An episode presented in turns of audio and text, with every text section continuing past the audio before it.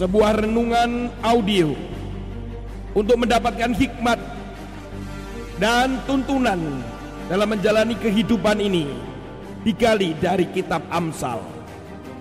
Inilah audio inspiring message yang dibedah dan dibawakan oleh Tony Nardi Wiono.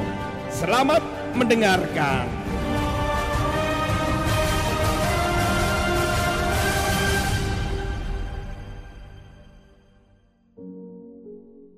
Shalom Bapak Ibu sekalian, kekasih Tuhan. Kita bertemu lagi untuk merenungkan kebenaran firman Tuhan yang terambil di dalam Amsal pasal yang ke-13 ayat yang ke-16. Orang cerdik bertindak dengan pengetahuan, tetapi orang bebal membeberkan kebodohan. Kata-kata yang dikatakan di situ adalah cerdik. Itu dikatakan orang yang memiliki kebijaksanaan. Bijak begitulah maksudnya. Nah, sementara orang yang bodoh itu ketika dikatakan membeberkan kebodohan itu adalah orang bebal. Saudara, orang bebal itu adalah orang yang ini menurut firman Tuhan ya, menurut Alkitab bahwa orang yang hidupnya itu cenderung melakukan apa pun yang mereka mau dan nikmati. Pokoknya ya nggak ada standar, nggak ada nggak ada lagi aturan ya semaunya gitulah saudara.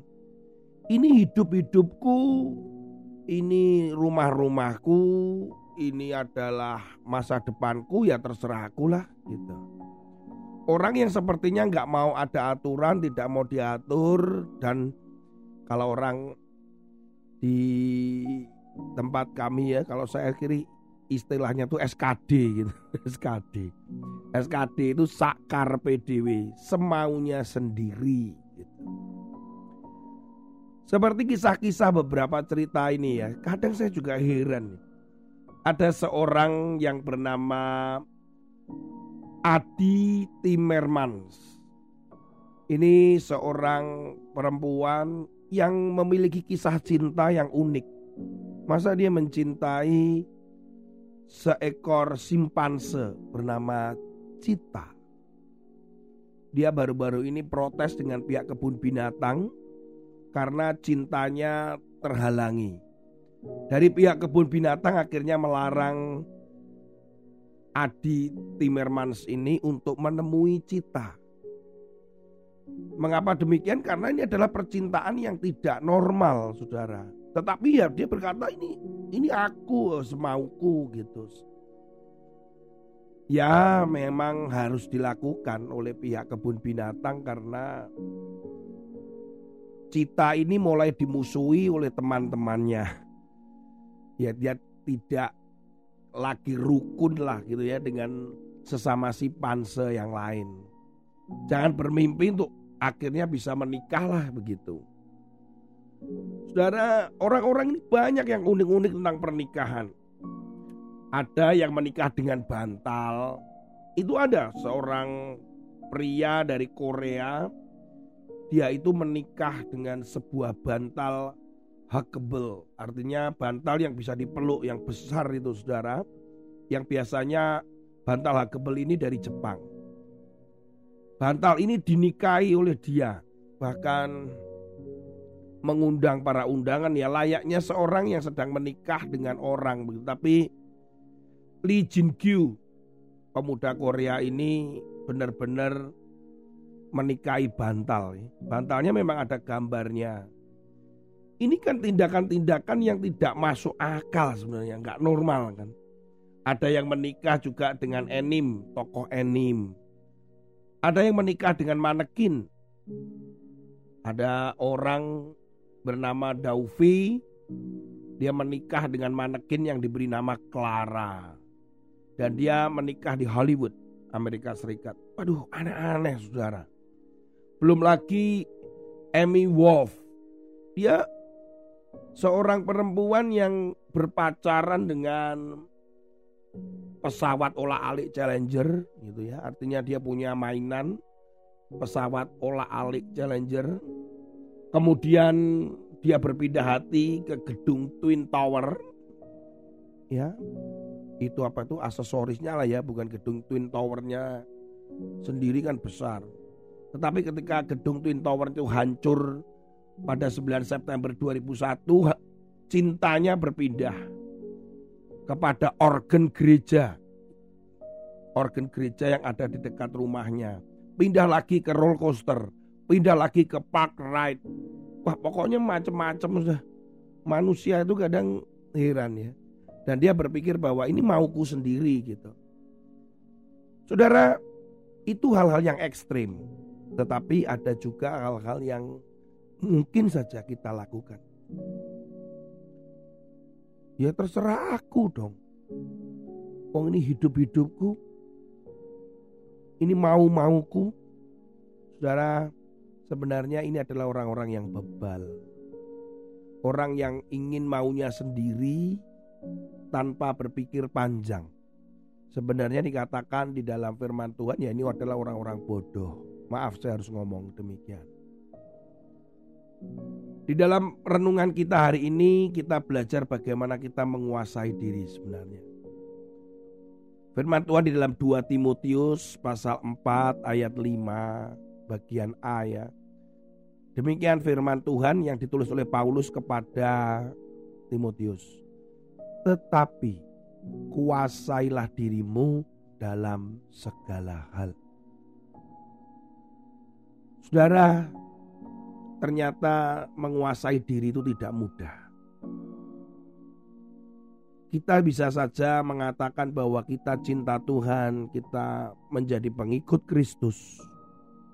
Tapi penguasaan diri ini paling sulit. Menguasai diri untuk tidak marah, menguasai diri untuk tidak berkata-kata, menguasai diri untuk tidak memilih, menguasai diri ketika kita harus mengambil keputusan penguasaan diri ini penting sekali. Kalau di dalam istilah-istilah dunia manajemen atau kepribadian itu berbicara self control. Ada juga yang menyebut adalah self leadership. Berbicara self leadership adalah bagaimana memimpin diri sendiri.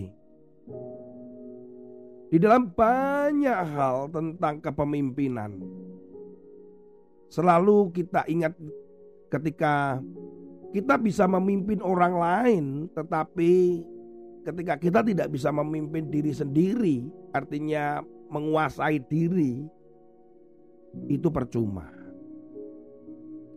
Dia adalah bukan pemimpin yang baik.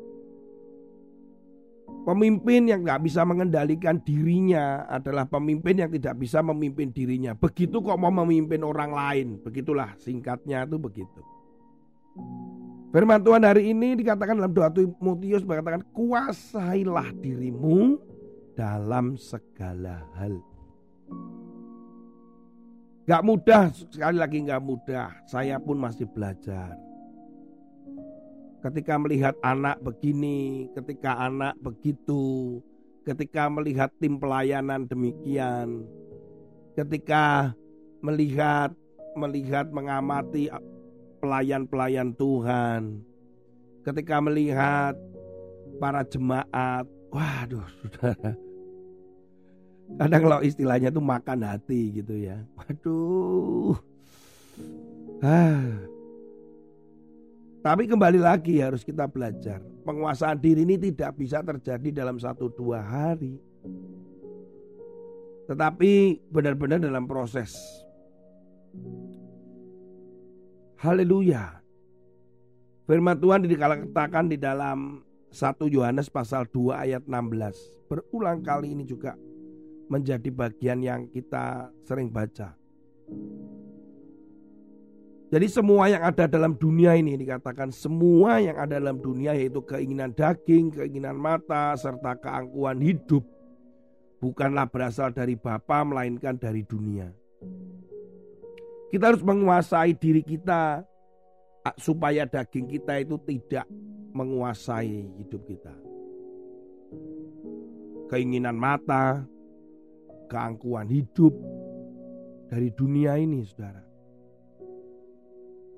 Saudara kekasih di dalam Tuhan, mari kita sama-sama belajar bagaimana kita bisa menguasai diri kita. Karena dikatakan di dalam Amsal pada pasal 16 ayat 32. Orang yang sabar melebihi seorang pahlawan. Orang yang menguasai dirinya melebihi orang yang merebut kota.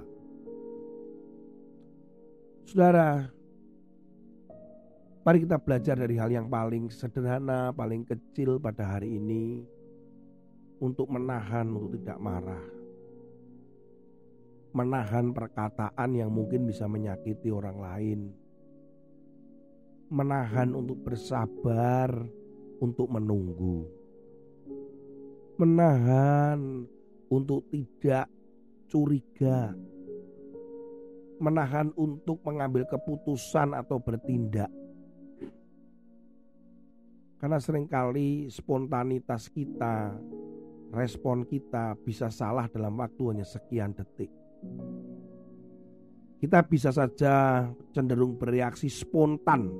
Kita menyebutnya adalah reaktif yaitu bertindak dulu baru berpikir. Kita cenderung melakukan sikap semaunya. Ini hidupku, semauku. Seringkali itu. Yang kita tidak sadar itu bisa merugikan. Bisa merusak. Saudara kekasih di dalam Tuhan, ada begitu banyak kesempatan sebenarnya kita itu ditipu, dirayu untuk kita itu bertindak dengan cepat tanpa berpikir. Di dalam dunia pemasaran atau di psikologi dikenal dengan juga yang namanya persuasif bagaimana iklan, bagaimana barang atau produk itu ditawarkan dengan cara supaya kita itu nggak sempat mikir, nggak sempat mikir. Ayo bu beli ini bu, pamerannya tinggal satu hari, hari ini hari terakhir, gitu saudara ya. Ini stok barangnya tinggal satu bu, tinggal satu. Kita tuh jadi seperti didesak yang akhirnya membeli produk itu atau join dengan sebuah klub atau apa pun karena memang desakan-desakan itu. Sudah saya diskon bu, diskon 90%. Dapat gift, dapat hadiah bu, ini silakan bu. Ada door prize-nya loh. Wah pokoknya apa pun lah dipakai. Supaya kita tuh nggak sempat mikir. Serius saudara. Cara berdebat pun demikian. Saya melihat perdebatan-perdebatan ya. Ketika kita mau berpikir, kita tidak diberi kesempatan untuk berpikir dicerca, cerca, cerca. Ketika kita mulai berpikir, konsentrasinya diubah dengan topik yang berubah dan beda gitu. Hati-hati saudara, makanya kita harus banyak merenungkan, kita harus banyak berpikir dengan bijak, makanya kecerdikan itu penting sekali. Mari sudah kasih dalam Tuhan, kita menguasai diri kita dan belajar dari hal yang paling kecil. Hari ini, apa yang kita mau belajar sebagai bukti menguasai diri. Tuhan Yesus memberkati saudara. Shalom. Haleluya. Amin.